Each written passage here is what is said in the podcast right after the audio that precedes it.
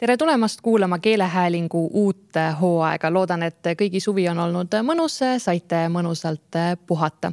EKis oli aga suvi üsna töökas, sellepärast et suve jooksul jõudsid sõnastikku näiteks sellised toredad sõnad nagu lauarääkija, ööbla ja õpijamps.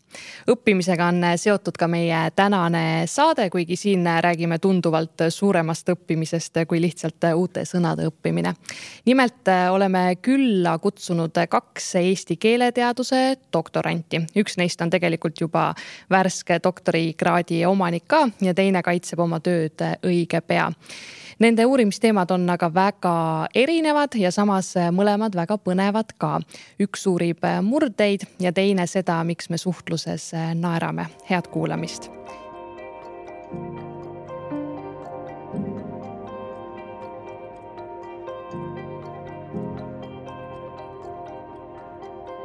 stuudios on nüüd äh, koha sisse võtnud äh, kaks äh, noort keeleteadlast, Hanna Pook, tere tulemast. tere.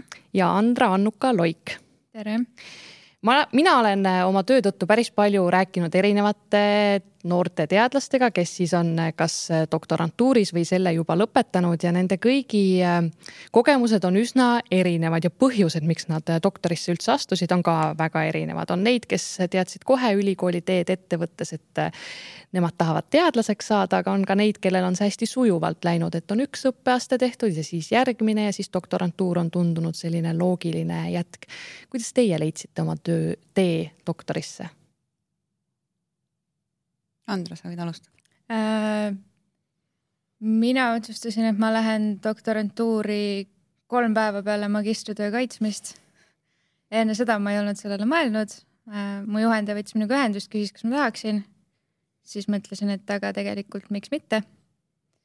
ja nii ma sinna sattusingi minu lugu on tegelikult üsna sarnane, et äh, ma terve magistri olin äh, või noh, just magistri teise aasta olin veendunud, et doktorantuuri ma kindlasti ei lähe ja siis pärast magistritöö kaitsmist, kui me siis seal nagu natukene nagu tähistasime ja jutustasime, siis ma nagu salaja ütlesin juhendajale, et kuule ma ikka vist nagu, nagu vist ikka tahaks minna sinna doktorantuuri. ja, ja nii ta läks. mis tekitas seda tunnet, et äkki ikka natuke tahaks minna? no minul oli noh, põhimõtteliselt kaks põhjust, nagu üks oli see, et äh, oli kogu selle magistri jooksul nagu hakanud meeldima kõik see andmete nagu analüüsimine ja, ja nendega tegelemine ja, ja see, et, et kui sa oled siis nagu päevade kaupa neid andmeid kodeerinud ja kogunud ja, ja kokku pannud ja siis lõpuks saad need mingisse programmi panna ja siis sealt reaalselt tulevadki mingid tulemused välja, et, et nagu, et ongi mingid põhjused, et miks see keel varieerub, mitte et lihtsalt noh, kõik on täiesti suvaline ja juhuslik.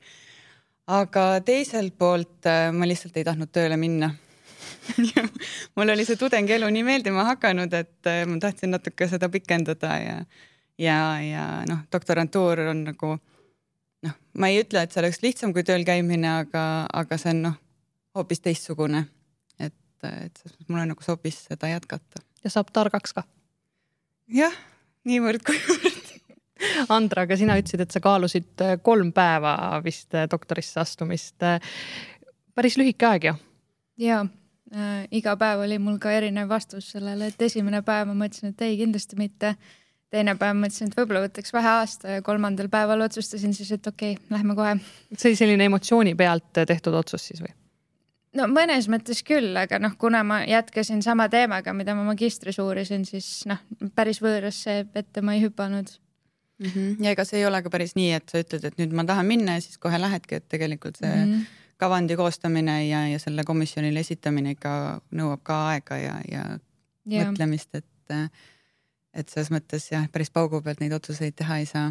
ja väga paljudel õppekavadele ju kohe esimese korraga ei pruugigi sisse pääseda, nii et see, et te esimese korraga juba doktorisse saite, on ka suur saavutus mm. -hmm Andra, aga sina astusid ülikooli kohe eesti ja soome-ugri keeleteaduse erialale.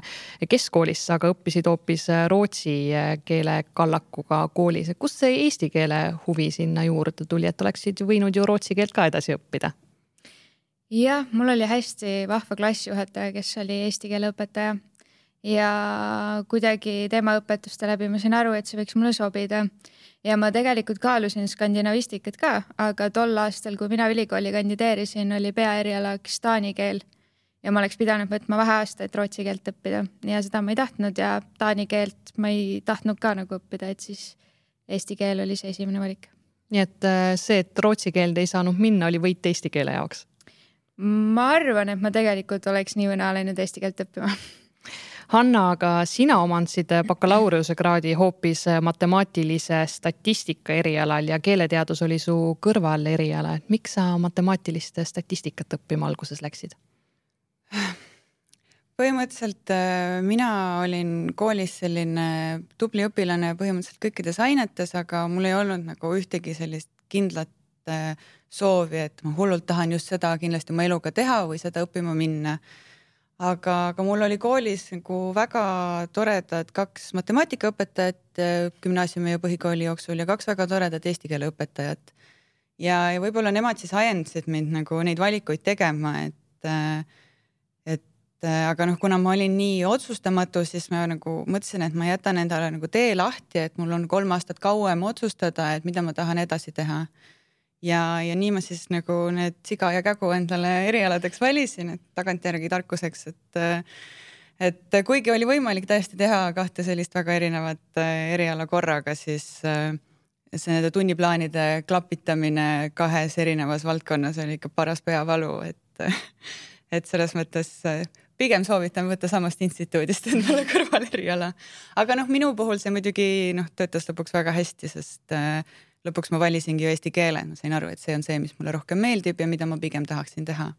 matemaatiline statistika ja keeleõpe tunduvad küll jah, kaks väga erinevat asja, aga on neis mingisuguseid sarnasusi ka? no põhimõtteliselt võib öelda, et mõlemad tegelevad mingi abstraktse kontseptsiooni, kontseptsiooniga, et noh, matemaatika on nii-öelda välja mõeldud asi ja samamoodi ka keel on mingi välja mõeldud asi ja noh, võrreldes noh, näiteks mingi bioloogia või arstiteadusega, mis on oluliselt praktilisemad, on nad väga sellised noh, eriti veel see bakalaureuseõpe, nad hästi teoreetilised ja hästi sellised äh, käega mitte katsutavad, et see on võib-olla sarnane, aga muidu, muidu olid nad ikkagi väga erinevad, et kui, kui seal äh, äh matemaatika erialal oli noh suur rõhk ikkagi praktikumidel ja, ja, ja noh, sellisel praktilisemal tööl. et siis äh, eesti keele poolel oli nagu rohkem siukseid loenguid ja seminare ja, ja noh, niisama jutustamist kuidas sa tunned, kas doktorantuuris mingis mõttes tuli sulle kasuks ka, et sul selline matemaatiline taust ka väiksel viisil on? ma usun küll ja tegelikult ma arvan, see tuli mulle kasuks juba magistris, et, et kui siin äh, Äh, vähemalt meie instituudis inimesed doktoritöid kirjutavad, et siis äh, peaaegu kõik kasutavad juba neid statistilisi andmeanalüüsi meetodeid, kui nende andmed nagu vähegi seda lubavad. aga, aga magistris olin mina küll nagu üks vähestest pigem, kes äh, oma töösse nagu mingit andmeanalüüsi noh, peale lihtsate sagedusandmete kaasas, et et noh, mul juba noh, algusest peale oli selge, et, et see andmeanalüüsi pool oli tegelikult see, mis mul seal matemaatika erialal väga meeldis. Neid andmeid või neid aineid oli suhteliselt vähe seal, sest noh, rõhk oli rohkem selle nagu matemaatika teooria baasil ja mitte andmete analüüsil. aga, aga noh, see osa mulle just väga meeldis ja selle ma võtsin kõik kaasa sealt, et kui äh, rääkidagi nüüd äh, konkreetselt sinu äh, doktoritööst lähemalt, siis sa uurisid murdeid. räägi, mis sa täpsemalt tegid? mina uurisin siis asesõnu kes, mis ja keegi Eesti murretes, et kuidas need varieeruvad, kuidas neid kasutatakse. ja ma tegelikult vaatasin neid erinevate nurkade alt, aga põhiline, mida ma uurisin, oli siis nende elususest sõltuv kasutus ehk et millele nendega viitada, viidata saab. ehk et et äh, kui eesti kirjakeele reeglite järgi on kes ja keegi elusatele inimestele, entiteetidele mõeldud viitamiseks ja mis on siis selleks, et, et viidata objektidele või mingitele abstraktsetele nähtustele, siis Eesti murretes võib neid kasutada vastupidiselt. et ma võin mõne näite ette lugeda, et mis on siis sellest andmestikust või sellest korpusest, mida mina kasutasin. et näiteks siin on lääne murdest, et minu ämmal olid seoksed rohud, kellega tema parandas oma kopsu. ja, ja missi kohta näide, ma oli seokse inimene, mis tahtsid tantsida. ehk et, et põhimõtteliselt eh, neid asesõnu siis saab nagu olenemata sellest, et mis elususega see konkreetne referent on, noh, vahelduda. kuidas sa üldse murreteni jõudsid?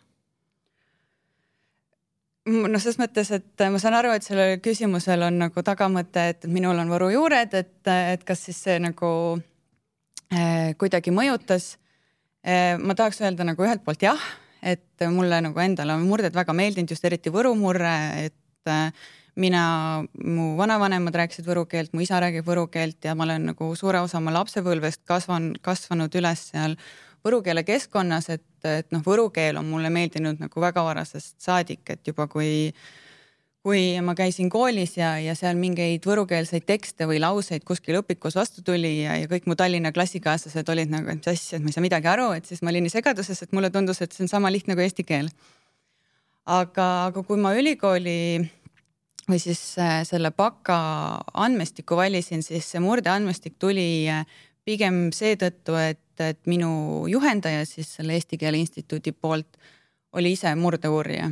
et, äh, et ma nagu ei valinud otseselt nagu seda murdeandmestikku seetõttu ja murdete korpuse andmestikku, et mulle need murded nii väga hullult meeldisid, aga kui mulle see välja pakuti, siis loomulikult ma ei keeldunud ja see oli kõik väga huvitav et, et mul vahepeal tegelikult oli nagu huvi teha mingi uurimus, noh, ka magistris edasi eh, hoopis ainult võru keelest, aga kuna ma väga tahtsin kaasata seda andmeanalüüsi poolt, siis noh, tundus loogiline võtta nagu kõik Eesti murded eh, hulka, et noh, saaks teha nagu suuremat, mahukamat analüüsi, et et kui uurida ühte murret korraga, et siis eh, need analüüsid on pigem sellised kvalitatiivsed ja ja mitte nii nii suuri statistilisi järeldusi teha ei saa kui me Hanna teemast nüüd põgusalt äh, rääkisime, siis Andra teemat me veel ei ole maininud. Andra uurib nimelt äh, naeru.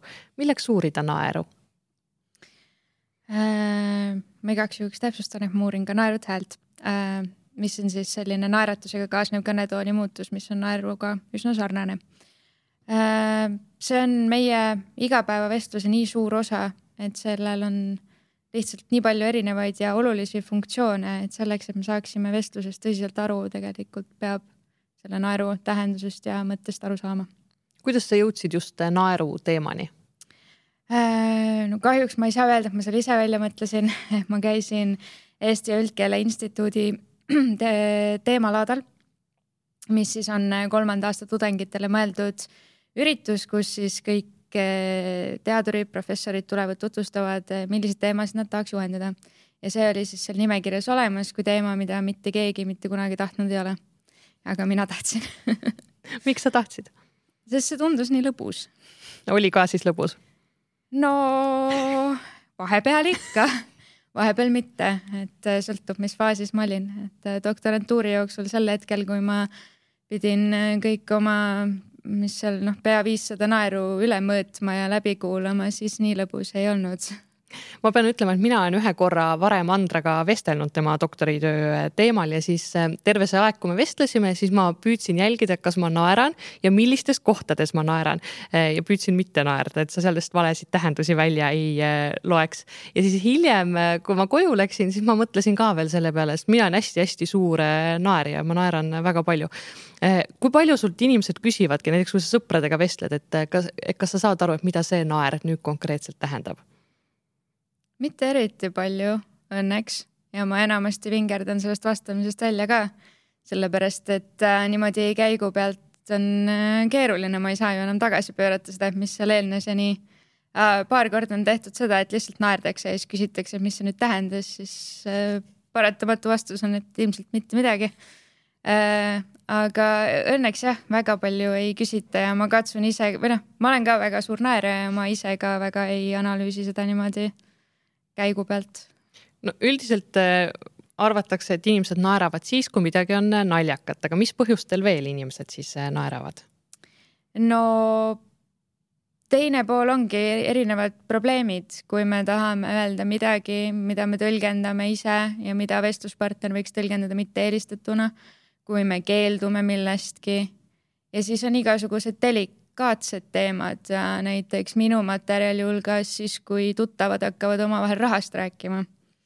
Äh, ja väga palju on varasem uurimus käsitlenud just arsti-patsiendi vestluseid, kus patsiendid tunnevad piinlikkust ja siis pehmendavad seda naeruga.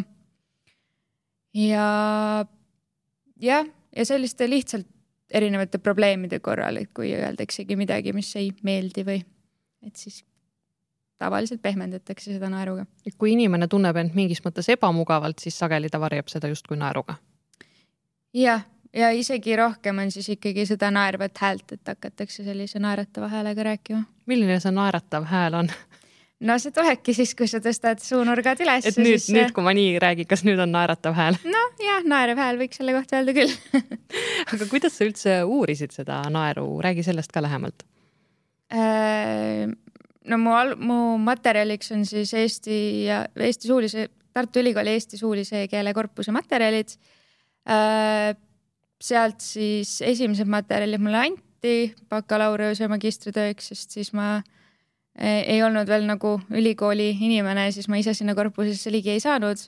Äh, ja doktorantuuris sain juba ise ka natuke valida, et korpuses saab otsinguga need naerud välja otsida märksõnadega, nad ongi seal noh, he-he ja he-he ja niimoodi transkribeeritud ja siis ma otsisingi nad välja, märkisin nad ära, võtsin selle vähemalt kolm äh, kõnevooru enne ja pärast sinna juurde, et seda konteksti saada ja siis hakkasingi vaatama, et mis see naer seal nüüd teha võiks selgita võib-olla nendele inimestele ka, kes ei ole keelega niivõrd seotud, mis see suulise keele korpus on üldse? Äh, see on korpus, mis koosneb äh, salvestistest Äh, kus on, seal on nii argivestluseid kui ametlikke vestluseid.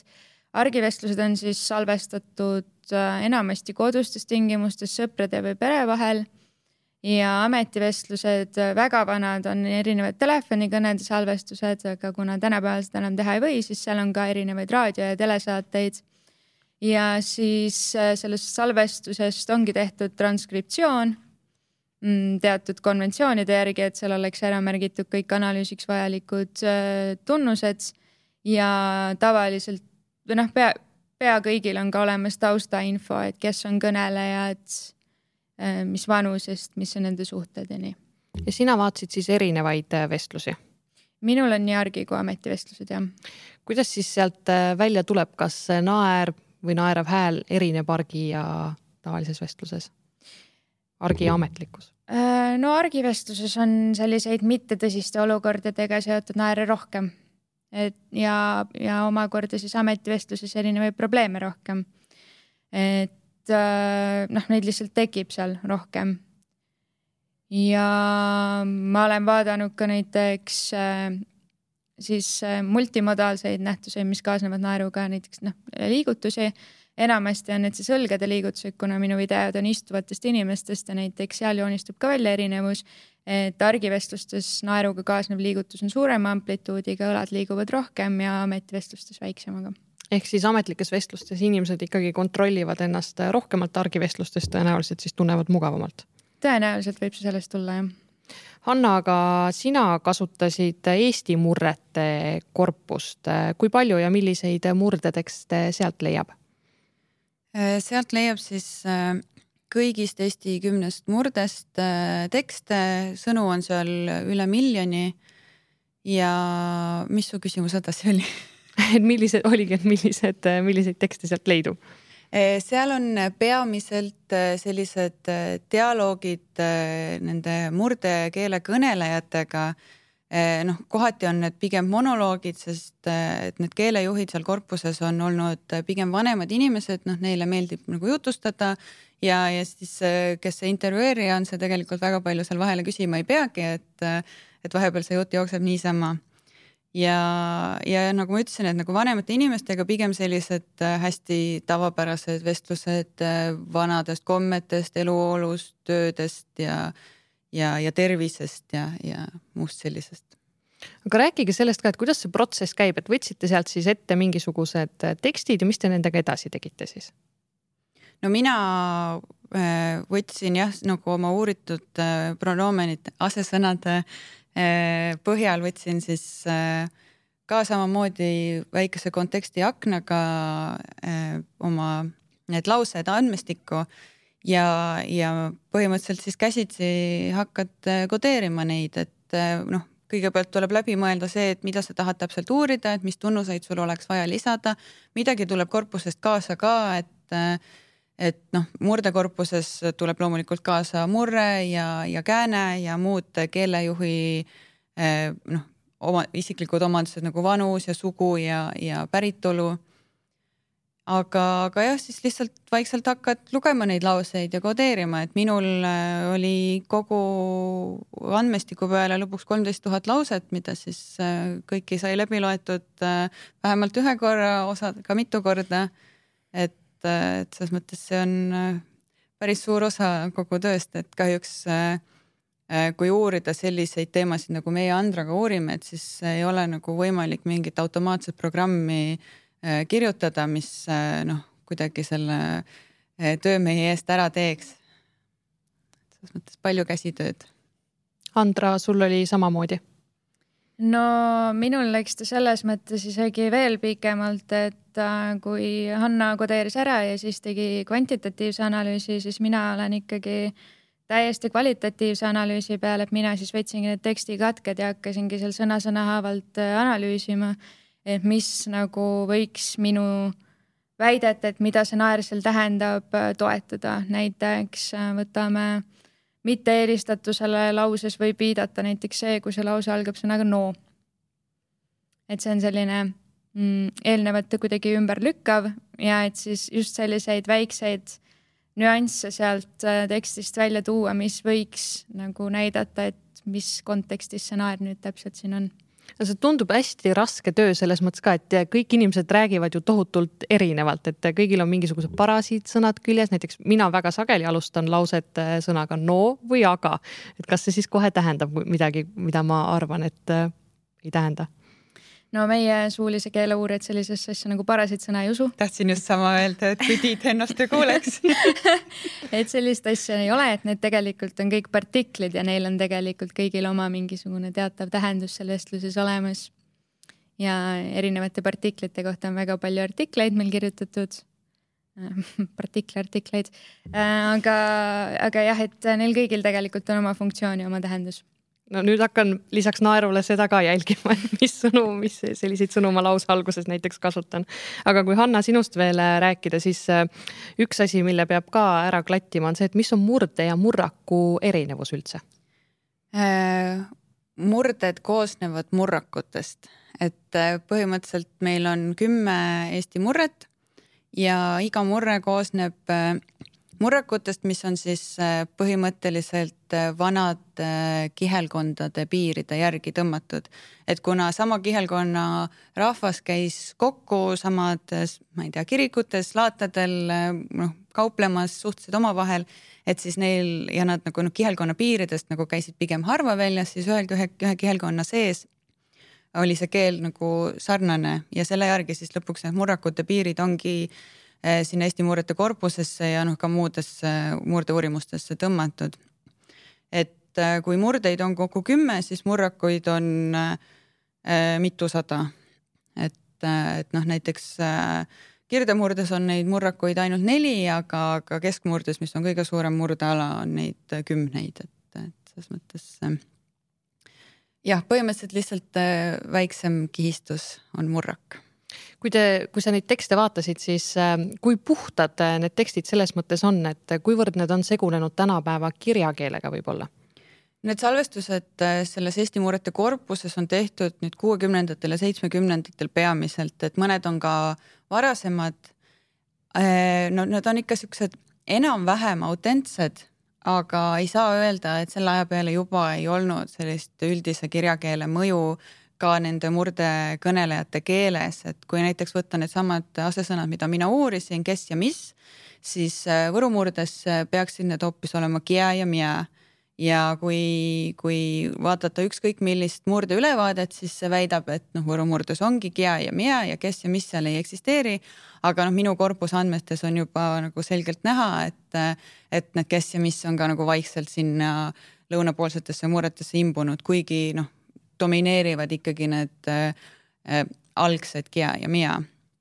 aga, aga no üldiselt need tekstid on ikkagi murdekeelsed, et äh,, et et noh, nendega töötades peab ikka nagu keskenduma ja mõtlema, et no minu jaoks on see lõuna-eesti keel nagu lihtsam, aga, aga vahel mingitest äh, rannamurde tekstidest oli ikkagi väga raske aru saada ja noh, kuidagi noh, noh, kõik see sõnavara on täiesti teistsugune, et, et just võib-olla sõnavaralt on, on noh, on seal päris nagu, kuidas ma ütlen algse murdekeele moodi rohkem ma mõtlengi, et kuidas sa neist tekstidest aru said, sest kui sa annaksid mulle ette mõne sellise teksti, siis hea küll, ma saan sealt tõenäoliselt mingitest sõnadest aru ja võib-olla tähenduse enam-vähem aiman ära, aga kindel ma ei saa olla, et kas ma täppi ka panin sellega.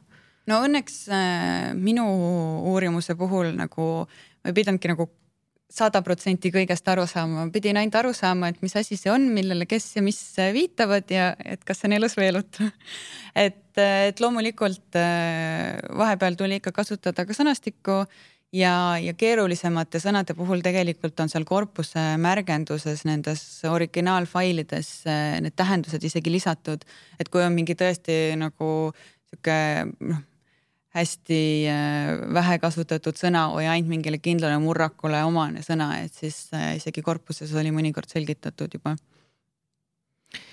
doktori või ütleme üldse igasuguse uurimistöö puhul alati küsitakse teadlaste käest, et aga mis te siis teada saite, kui ma nüüd palun teil kokku võtta, et mis te oma doktoritööga teada saite, siis äh, mis oleksid need põhitulemused, Andra? ma sain näiteks teada seda, et et äh, Eesti ja ka mujal, mujal maailmas on leitud seda, et äh, naeru on kolme tüüpi. on lahtise naer, äh, suuga naer, on kinnise suuga naer ja on segatüüpi ehk kahest koosnev ja et kuidas see kahest koosnev käib, see tundub kohe, okei okay,, lahtise suuga naerust me ilmselt saame kõik aru, teen suu lahti, kinnine naer on ilmselt siis mm kuidagi mm -hmm. niimoodi aga see mõlemad koos? no nad on sellised pikemad naerud, et alustad niimoodi kinnise suuga ja lõpetad lahtisega, on tavalisem, aga võib ka mõni alustada lahtise suuga ja lõpetada kinnise suuga, et on sellised erinevad, aga need on haruldased, et neid on väga vähe. et äh, näiteks ma vaatasingi siis lahtise ja kinnise naeru varieerumist ja tulebki näiteks välja, et äh, kui inimene naerab äh, sellel ajal, kui ta parasjagu räägib mm, oma kõnevooru sees, siis see naer on enamasti lahtine aga kui ta reageerib kellegi teise voorule ja ta parasjagu ei ole hääles olev kõneleja, siis see võib-olla on enamasti kinnine. et äh, siis me lihtsalt, äh, milleks teha suu lahti, kui pole vaja, eks ole. aga jah, näiteks seda naerutüübi varieerumist ja, ja noh, mulle endale nagu võib-olla ühe osana, mis pakkus rohkem huvi, oli just see naeru asukoht kõnevoorus, et äh, see on väga ja naerva häälega, et see on väga varieeruv üllataval kombel rohkem ametivestluses, aga siis, kui hakata seda seostama selle vestlustüübi omapäraga, siis selgubki, et naer on ametivestluses ja ka naerev hääl lähemal sellele, mida sellega kas markeeritakse mittetõsiseks või pehmendatakse.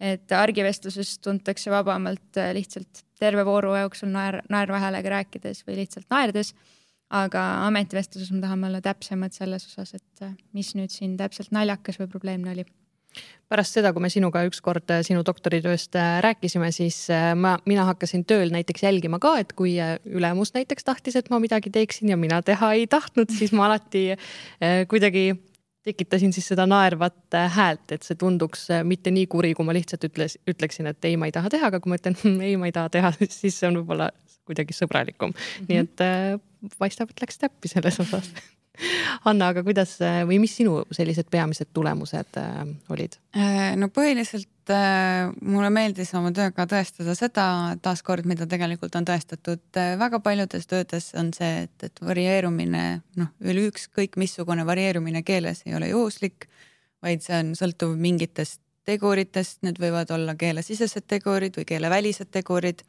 ja, ja tihtipeale see inimene, kes räägib, ei ole neist teguritest absoluutselt teadlik, noh, samamoodi nagu naeru puhul, ega inimene ei mõtle, et ta naerab. et, et mingit nagu probleemi väljendada. et, et noh, sama tuli siis ka minu töö ja minu varieerumiste puhul välja, et, et kui nüüd konkreetselt sellest elususest sõltuvast varieerumist rääkida, et siis see esines pigem Põhja-Eestis, et, et siin Võru ja Seto murre kohati äh, nagu absoluutselt ei lubanud sellist äh, varieerumist ja kes mis olid väga rangelt eristatud. aga, aga Põhja-Eestis jah, pigem oli see kasutus vabam ja, ja mina noh, põhimõtteliselt see, mida mina uurisin, oli siis süntaks ehk lauseõpetus ja, ja kui muidu kõikide sõnavara ja häälduse ja muu sellise järgi jaotatakse Eesti murdeid üldiselt põhja- ja lõunamurreteks, et, et nende vahel on nagu suurimad erinevused, siis just nagu selle lausestuse poole pealt vaadates tegelikult äh, nii minu kui varasemates töödes on välja tulnud, et äh, selle joone saab tõmmata hoopis ida ja läänepoolsete murrete vahele mingil põhjusel. et, et ei ole üldse nii, et, et noh, nagu kõikide muude nende keeletasandite järgi saaks teistpidi teha. Ja no loomulikult ma leidsin nagu ka natuke keerulisemaid äh, tulemusi, et, äh, et äh, näiteks selline varieerumine esineb kõige enam grammatiseerunud positsioonides mis see tähendab? mis põhimõtteliselt tähendab seda, et kui kui mingitel sõnadel hakkab kaduma selline nagu väga kuidagi konkreetne tähendus ja nad muutuvad järjest rohkem abstraktsemaks ja nii-öelda grammatilisemaks ehk et nad on nagu noh, lauses rohkem nagu funktsioneerivad noh, noh nagu grammatika osana ja mitte nii väga, et neil on nagu mingi oma nagu sisuline tähendus. et, et kui kui need äh, asesõnad, mida ma siis vaatasin, olid nagu selles rohkem grammatilisemas positsioonis, nagu näiteks keegi puhul. Noh, toon mingi täiesti suvalise näite, et äh,. vaatan siin kohe mõne hea näite raamatust, ma pärast loen ette, et siis äh,, siis äh, noh, see ei, ei, elususe eristus oli kohe oluliselt äh, ebaolulisem versus siis, kui nad olid nagu hästi noh sisulise nagu tähendusega need asesõnad lausetes. Ma võin pärast ette lugeda, ma natuke otsin. jah, aga seni võime Andraga rääkida sellest, et no uurimistöö ei ole üldiselt kunagi lõplik, alati saab midagi edasi uurida. mida sinu töö põhjal saaks edasi uurida veel? oi, päris palju, et äh, üks asi, mis on kindlasti, on, et neid samu asju võiks uurida natuke teise materjali peal et näiteks just neid naeruomadusi, tüüpide ja pikkuste varieerumist oleks tegelikult parem uurida äh, laboritingimustes salvestatud äh, vestlustes, aga need võiks olla ikkagi loomulikud vestlused. mis see tähendab laboritingimustes salvestatud? Äh, no näiteks meil on Tartu Ülikoolis foneetikalabor, kus ka tehakse selliseid kahe inimese vahelise vestluse salvestusi, millest on ka videopilt et äh, sellisel juhul lihtsalt see kvaliteet, millega need naerud on salvestatud, on nii palju parem, et sealt annaks uurida paremini äh, täpsemalt ja ka näiteks vokaale uurida palju täpsemalt, kui mina seda oma kodus äh, diktofoniga laua pealt salvestatud materjalist teha sain. ja ka liigutuste uurimine oleks sellisel materjalil võib-olla veidi lihtsam, sest et need inimesed istuvad väga äh, noh, hästi kaamerale nähtavalt, aga samas teisest küljest annab palju kammitsetumad, sest nad istuvad samamoodi mikrofoni taga, et see ei anna väga palju võimalusi liikumiseks. Aga see on jah üks asi, mis oleks tõenäoliselt väga huvitav. Hanna, kas sa leidsid vahepeal näiteid? ja, ja ma leidsin nüüd paar näidet, et kus äh, keegi on nagu sihuke äh, lihtsalt nagu eituse rõhutamiseks ja mitte otseselt mingit sisu, et näiteks äh, mulgimurdest, et raud ei kulu kedagi et noh, põhimõtteliselt lihtsalt nagu rõhutab, et noh, üldse ei kulu või, või läänemurdest, et tal ei olnud enam mingit peret ega kedad. Et samamoodi noh, lihtsalt ütleb, et noh, et polnud ei pere ega üldse mitte midagi. et, et sellistes positsioonides oli selline äh, noh, elususe juhuslik või, või mitte juhuslik, aga nagu mitte oluline eristamine just nagu eriti äh, prevalentne miks see oluline on, et me teame, et äh, mulgid ütlevad, et raud ei kulu kedagi? no ma ei oskagi öelda, et kas, äh, kas just konkreetselt see on oluline, aga põhimõtteliselt noh, kuidas ma ütlen, me peame jäädvustama seda, seda keelt, mis oli ja me peame nagu kuidas ma ütlen, siis selle kohta võib küsida, et miks üldse midagi kunagi üldse uurida, et, et loomulikult selleks, et me teaksime rohkem ja et, et me saaksime kindlamalt väita mingeid asju, me saaksime luua seoseid erinevate tulemuste vahel, et, et, et noh, meie eriala ei ole selline, mis muudab maailma loomulikult, aga, aga me loodame, et see vähemalt muudab natukene nagu Eesti-sisest maailma ja noh, vähemalt nende maailma, kes on sellest teemast huvitatud. mida sinu doktoritöö põhjal võiks veel edasi uurida? no ausalt öeldes need äh, asesõnad varieeruvad veel nagu päris äh, eri nagu päris, päris paljudel erinevatel viisidel, mis siis nagu minu töösse äh, kaasatud ei saanud, sest, äh, sest mulle tundus, et kolm asesõna oli juba piisav. aga, aga noh, selliseid äh, huvitavaid nagu käände varieerumisi on, on nagu päris, päris palju, et kus just asesõnad millegipärast käituvad natuke nagu ebareeglipäraselt. Äh, ja, ja tegelikult äh, minu kogu andmestik äh, kindlasti oleks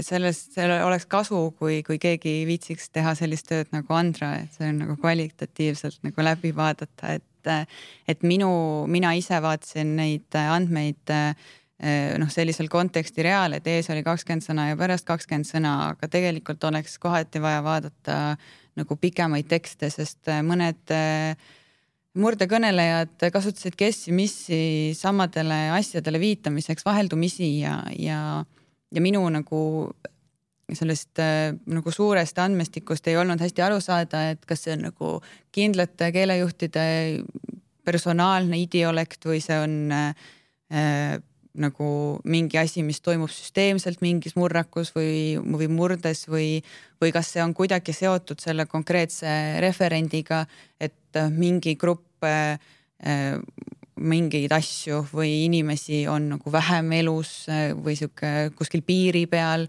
või, või noh, noh, selles mõttes, et ühesõnaga uurida oleks võimalik veel nagu tohutult.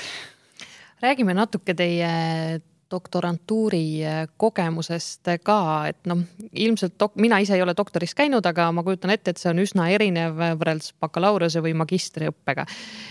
kuidas te selgitaksite inimesele, kes ei tea doktorantuurist midagi, et mida see endast kujutab?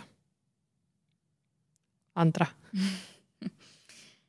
no see on tegelikult ikkagi töö nagu iga teine, Äh, minu jaoks kõige suurem erinevus on see, et sa vastutad selle eest, et need asjad oleks tehtud ise. et äh, sul on küll juhendaja, kellelt abi paluda, aga sellist taktikeppi, et äh, selleks kuupäevaks peab nüüd tehtud olema, tegelikult ei ole äh,. ja sa noh, oledki paljuski, väga palju pead ise seda aega planeerima ja see võib mõnikord olla päris keeruline, kuigi see võib tunduda ka väga hea, et selles mõttes, et äh, sul on vaja vaba päeva mingi päev ja sul ei ole otseselt mingeid koosolekuid või muid kokkuleppeid, siis noh, teed mõnel teisel päeval oma töö ära. et äh, sellist äh, paindlikkust on palju, aga ta on jah, selline väga isejuhtimist nõudev asi kusjuures äh, mina ei ütlekski isegi, et, et magister ja doktorantuur nagu tohutult erinevad, et noh, kokkuvõttes sa ikkagi äh, läbid mingeid aineid ja, ja sa kirjutad kogu selle õppe jooksul oma tööd, et, et magistris me alustasime ka oma töö kirjutamist esimesel aastal juba ja ja, ja selles osas on tegelikult noh, tõesti üsna sarnane, aga, aga jah, noh, rohkem on jah vaja ennast kuidagi tagant utsitada tõesti. kas teie olite head sellised ajaplaneerijad ja enda tagant utsitajad? ei. ei et oli ikka raske sellega ja, aga kuidas te hakkama saite siis? no ma ei ole võib-olla kõige parem ajaplaneerija, aga ma olen üsna hea viimasel hetkel töötaja ja, ja see on, see alati töötab, kui, kui tähtaeg juba läheneb ja, ja paanika on peal ja atesteerimine on ees, et mm -hmm. siis ikka midagi peab tehtud saama. aga räägime natuke atesteerimisest ka, mis see tähendab? no iga aasta peab me noh, iga doktorant siis äh, minema komisjoni ette ja rääkima sellest, et mida ta on teinud selle aasta jooksul. Äh, kuidas tal on õnnestunud täita neid eesmärke, mida ta on eelmisel aastal seadnud endale, kuidas ta on täitnud õppekava ja, ja mida ta planeerib siis nagu järgmise õppeaastaga ette võtta ja saavutada. et igaks aastaks tehakse selline tegevuskava justkui põhimõtteliselt, et see ei pea olema nagu ülitäpne, aga, aga põhimõtteliselt äh, sa pead ikkagi nagu kirja panema, mida sul plaanis on teha ja kui komisjon arvab, et see on äh, liiga vähe, et siis ta võib seal nagu atesteerimisele kommenteerida, et sa pead tegema rohkem või et muidu sa ei jõuagi lõpuni selleks hetkeks, kui sul nagu noh, vaja on. kas atesteerimine on selline natuke selline pingeline olukord nagu eksam? no ta on pingeline küll. Õnneks päris eksam mitte, sest noh, sa ei pea nagu mingeid faktiteadmisi seal otseselt teadma. aga ta on selles mõttes ikka, et äh, võib-olla see koos või noh, see komisjoni ees istumine ise nii väga ei olegi, aga minu jaoks oli alati probleem selles, et see on noh augusti lõpus. et siis äh, vahel pidi nagu suvel päris hea auruga asju ikkagi tegema mm. -hmm. Et äh, see oli minu jaoks see kõige pingelisem osa võib-olla sellest atesteerimisest mm. -hmm. ma olen ka nõus, et kui juba seal komisjoni ees oli või ja võib-olla mina personaalselt äh, õppejõududele meeldisin ja mul ei olnud nagu otseselt muret, et äh, et nüüd ütlevad mulle, et ei, sa oled ainult üheksakümmend protsenti atesteeritud ja mm -hmm. tulemusstipendiumist jääd ilma, et et mul oli kuidagi alati niisugune tunne, et noh, et noh, nad on ju nii toredad inimesed, et kuidas nad siis ütlevad mulle, et ma ei saanud hakkama, ikka ütlevad ju, et kõik on hästi et selles mõttes, aga, aga ma tean, et osadel äh, meie kaasõppuritel oli küll vahepeal nagu nii, et, et nad tulid sealt päris kurva näoga välja, et nad ei olnudki nagu teinud piisavalt, aga, aga noh, ma ei oska öelda, et kas see oli nende personaalne aja planeerimise probleem või mitte doktorantuuri puhul palju räägitakse seda ka, et äh, vähemalt ühel hetkel ikka tekib selline tunne, et tahaks äh, käega lüüa ja tekivad need küsimused, et milleks ma seda kõike teen, kuivõrd teil neid äh, mõtteid ja tundeid esines? no mul esines küll, aga õnneks ei olnud need nagu kuigi pikaajalised. et need olid seotud võib-olla selliste madalseisudega, kus ma hetkel, sel hetkel ei teadnud täpselt äh, kuidas midagi teha või kuidas mingi, mingi probleemiga edasi minna. aga, aga jah, need olid pigem sellised lühikesed hetked. minul äh, võiks pigem öelda, et olid oluliselt pikemad hetked, et äh, doktorantuuri algus, noh, eriti veel see, kui neid aineid oli rohkem, et äh, noh, doktorantuuris ained saavad umbes äh, kahe ja poole aastaga otsa. et, et siis, kui aineid rohkem oli, koos käisite ja olid ka veel mingid äh, seminarid, mis natuke seda doktoritöö kirjutamist nagu toetasid, pidid mingeid ettekandeid tegema, siis, siis kuidagi nagu sujus asi paremini, aga kuskil kolmandal-neljandal aastal minul nagu jäi kogu töö põhimõtteliselt seisma, et, et, et äh, asi polnudki nii väga selles, et mulle tundus, et ma ei oska edasi minna või, või ma ei saa hakkama, vaid konkreetselt ma lihtsalt ei tahtnud teha, et, et ma tahtsin oluliselt rohkem teha muid asju oma eluga. ma tegingi muid asju oma eluga Äh, juhendaja küll kirjutas mulle, et ole nüüd mõistlik, et, et noh, et nende muude asjadega sa palka ei teeni, et hakka nüüd seda tööd ikka kirjutama. aga noh, selles mõttes motivatsioon oli ikka nagu täiesti nullis. kuidas sa leidsid selle motivatsiooni lõpuks, sest noh, töö on siin laua peal täna? Äh, no põhimõtteliselt, mida ma võiks nagu üleüldiselt soovitada, on, et kui minna doktorantuuri või olla doktorantuuris, et oleks vaja nagu leida endale see nagu mingi akadeemiline tugigrupp. et, et noh, minu puhul nagu kõige suuremaks miinuseks oli see, et mina olingi sihuke üksiküritaja, et ma tegin neid artikleid üksinda, ma kirjutasin kõike omaette aga, aga hästi paljud teised doktorandid on kuskil töörühmades või, või projektides või kirjutavad artikleid koos, et, et isegi kui nad on seal töörühmas ja teevad hoopis mingeid muid teemasid ja mitte artikleid oma töösse, või, või noh, kui kirjutatakse monograafiat, siis noh, loomulikult neist artiklitest pole oma töö jaoks üldse kasu. et siis ikkagi noh, sa oled kogu aeg kellegagi koos, keegi saab äh, kuskil kirjutamisrühmades sind nagu toetada, sulle nõu anda, äh, sind nagu edasi utsitada, mingiks tähtajaks kirjutama. ja, ja minul nagu see kõik puudus, sest äh, ma ei, täpselt isegi ei tea, et kuidas ma niisuguseks üksikkirjutajaks sain, aga, aga kuidagi ei olnud või noh, mul oli nii selge teema, mida ma tahtsin teha ja, ja siis ma seda omaette push isin ja tegelikult siis seal kolmanda artikliga tuligi mulle tegelikult appi hoopis mu juhendaja, et ta nägi, et mul on nii raske, et kuidagi nagu üldse nagu minema ei saa ja, ja ta pakkus välja, et me teeme kolmanda artikli koos. ja kokkuvõttes tegelikult ma kirjutasin selle kolmanda artikli ikkagi peamiselt üksinda, et noh, analüüsid olid mul juba enne tehtud, kui ta mulle appi tuli aga lihtsalt see teadmine, et keegi teine nagu, nagu toetab või vastab küsimustele või, või kui ma mingit lõiku ei oska kuidagi üldse kirjutada, et ta kirjutab selle mu eest või, või kui mingi retsensendi kommentaar on segane, et siis keegi teine nagu oskab seda lahendada. et see teadmine noh, kuidagi aitas sellest august välja saada. mis siis, et, et noh, töö maht oluliselt tegelikult ei muutunud sellest, et juhendaja appi tuli, noh, sest loomulikult mina pidin olema esimene autor igal juhul et tema sai mind ainult toetada. aga jah, et, et põhimõtteliselt nagu ainult tänu juhendajale ma siin olen, et, et muidu võib-olla ma lükkaks seda viimase artikli kirjutamist ikka edasi. nii et hea juhendaja mängib väga suurt äh, rolli doktoritöö kirjutamisel. seda kindlasti. Andra, aga sina käisid äh, ma ei tea, kas just palju, aga sa käisid ka konverentsidel, mis on üks doktoriõppe osa ka ja sa käisid näiteks Austraalias konverentsil. räägi sellest natuke lähemalt mm. -hmm ja ma olen jõudnud kolmele konverentsile, ma olen käinud Helsingis, oleksin pidanud käima Šveitsis, aga istusin kontoris hübriidis. ja nüüd suvel jah, käisin Austraalias äh, siis rahvusvahelisel vestlusanalüütikute konverentsil. ja see oli väga huvitav kogemus. Äh, see konverents koosnes kahest osast, esimesed äh, kolm päeva olid sellised töötoad, kus siis erinevad tõesti alatipud pidasidki töötubasid oma teemadest ja siis oli neli päeva konverentsi ettekandeid, see oli väga intensiivne ja väsitav, aga väga lahe ja äge kogemus.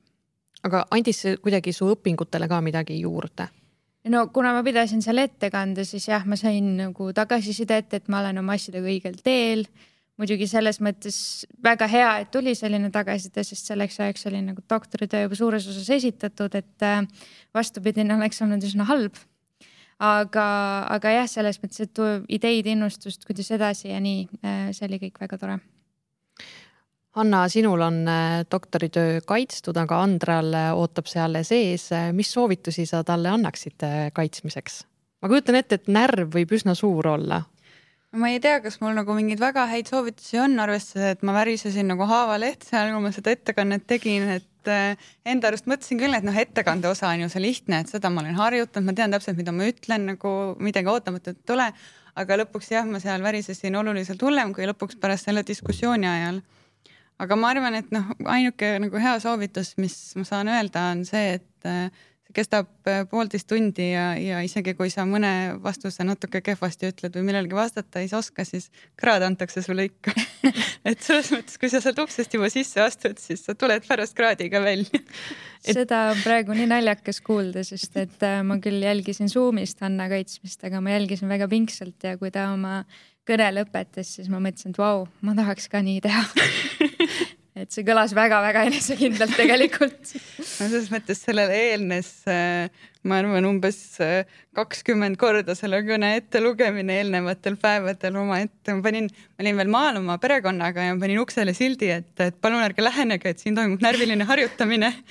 et, et noh, ma võtsin aega ka, et, et saaks aru, et, et kui kaua mul kõne läheb ja siis ühesõnaga jah, kõneosa oli, et noh, tegelikult kõneosa on lihtsam ja see diskussioon võib eh, noh, kohati tabada ootamatult, aga, aga üldiselt noh, need küsimused, eh, mida oponent küsib, et need on sealt tema retsensioonist nagu välja paista. aga, aga noh, mitte kõik loomulikult miks see kaitsmine tundub selles mõttes nii hirmus, et eh, sa oled neli aastat seda tööd ju tegelikult teinud, sa oled läbi ja lõhki selles teemas sees, et sa põhimõtteliselt lihtsalt räägid oma nelja aasta tööst ju no selle peale ma küsiks vastu, et äh, kas sa mäletad, mida sa neli aastat tagasi tegid tõsi, ei mäleta ehk et, et tekkis küll enne kaitsmist selline tunne, et ma peaks uuesti oma töö läbi lugema, et, et jah, tõepoolest see, mis ma viimasena kirjutasin, ehk siis see kogu katuspeatükk, see oli mul väga selge ja ma olin sellega just hiljuti tegelenud. aga esimene artikkel oli nagu neli aastat tagasi esitatud ja noh kõrvale pandud ehk et, et oli ikkagi mure, et, et oponendil on nagu värskemalt meeles minu kirjutatu kui mul endal. et võtab ühe lause sealt ja küsib ja, selle kohta. ja, ja ei, aga selles mõttes, et tegelikult ta konkreetselt võttiski vahepeal niimoodi mingi konkreetseid lauseid ja küsis selgitusi, aga õnneks äh, mul oli väga tore oponent, talle meeldisid kõik mu vastused, lisaküsimusi ta eriti ei esitanud.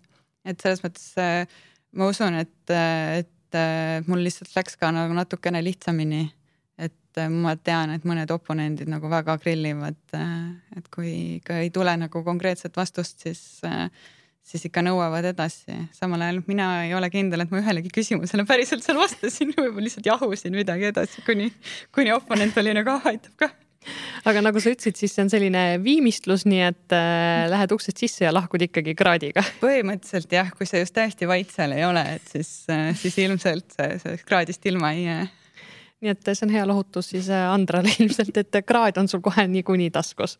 aga meie saateaeg tänaseks hakkab vaikselt äh, otsa saama, aga meil on äh, siin varuks üks väike üllatus ka, sest meil on uus rubriik nimega Kõva sõna. ja see tähendab seda, et me palume igal külalisel valida välja ühe huvitava eestikeelse sõna, mille siis, mille üle võib pärast saadet mõtisklema jääda Hanna ja Andra, teil me palusime ka ühe sõna välja mõelda, mis sõna te valisite siia täna kaasavõtmiseks? ma võin alustada, et äh, äh, mul on tegelikult isegi kaks sõna, kui tohib kaks sõna tohib. öelda. et esimeseks sõnaks on vahva. sõna vahva on millegipärast minu sõnavarasse sellel suvel nagu eriti äh, hoogsalt lisandunud ja, ja nii palju, et mu õde isegi hakkas juba kommenteerima, et kuidas ma seda nii palju ütlen minu meelest see on nii vahva sõna, sest äh, seda saab kasutada nii negatiivsete emotsioonide väljendamiseks kui positiivsete emotsioonide vahel. ühesõnaga hästi vahva. aga, aga teine sõna on sõna, mida ma õppisin ära pärast oma kaitsmist, et äh, hoolimata sellest, et me oleme keeleteadlased, siis meil ei ole kogu sõnastik peas ja me ei tea kõikide sõnade tähendusi. aga selleks sõnaks on promoveerima, mis siis tähendab doktorikraadi andma. vot, et siis äh, sain teada alles pärast oma kaitsmist, et olen nüüd promoveeritud. Andra, mis sinu sõna on? Minu sõna on tegelikult äh, oma põhitähenduselt üsna igapäevane, minu jaoks üks naljakama kõlaga eestikeelseid sõnu on vend, äh, mis siis viitab ju pereliikmele, aga samas võib see viidata ka ju põhimõtteliselt igale inimesele, enamasti meessoost, aga seda kasutatakse slängis. ja kolmandaks, millegipärast on see üks geoloogiline ajastu et äh, ka kivimikiht võib olla vend, kuigi see vist on iganenud sõna, nagu ma vaatasin nüüd enne üle, aga minu arust ikkagi päris huvitav, et nii igapäevane sõna võib olla midagi noh, enamike inimeste jaoks mitte nii igapäevast jah, pealt, pealtnäha lihtne sõna lihtsa tähendusega, aga tegelikult mitu varjatud äh, tähendust. mina võtsin ka ühe sõna äh, ja minu, see on üks võib-olla selline lemmiksõna viimasest ajast, äh, mille ma siis avastasin, on käändkõrvits. kas te teate, mis käändkõrvits tähendab? ma lugesin Kairi postitust selle kohta nimelt jah, see, ma sain selle tõesti Eesti Keele Instituudi Facebooki lehelt, leidsin selle, see oli sellises rubriigis nagu kuutermin ja käändkõrvits on siis suvi suvikõrvits, aga mitte kabatšokk. mina olin alati kasutanud suvikõrvitsat ja kabatšokki sünonüümidena, aga tegelikult tuleb välja, et need ei olegi sünonüümid aga meie saade tänaseks eh, hakkabki eh, läbi saama. aitäh, Andra Annuka-Loik ja Hanna Pook täna saatesse tulemast. Ja Andrale saame siis soovida edu doktoritöö kaitsmiseks, et viimane väike pingutus on teha ja siis saab ka sind promoveerida. Ütlesin õigesti, jah? Aitäh ja teile ka, head kuulajad, suur tänu kuulamast. Ja kohtume teiega juba järgmises saates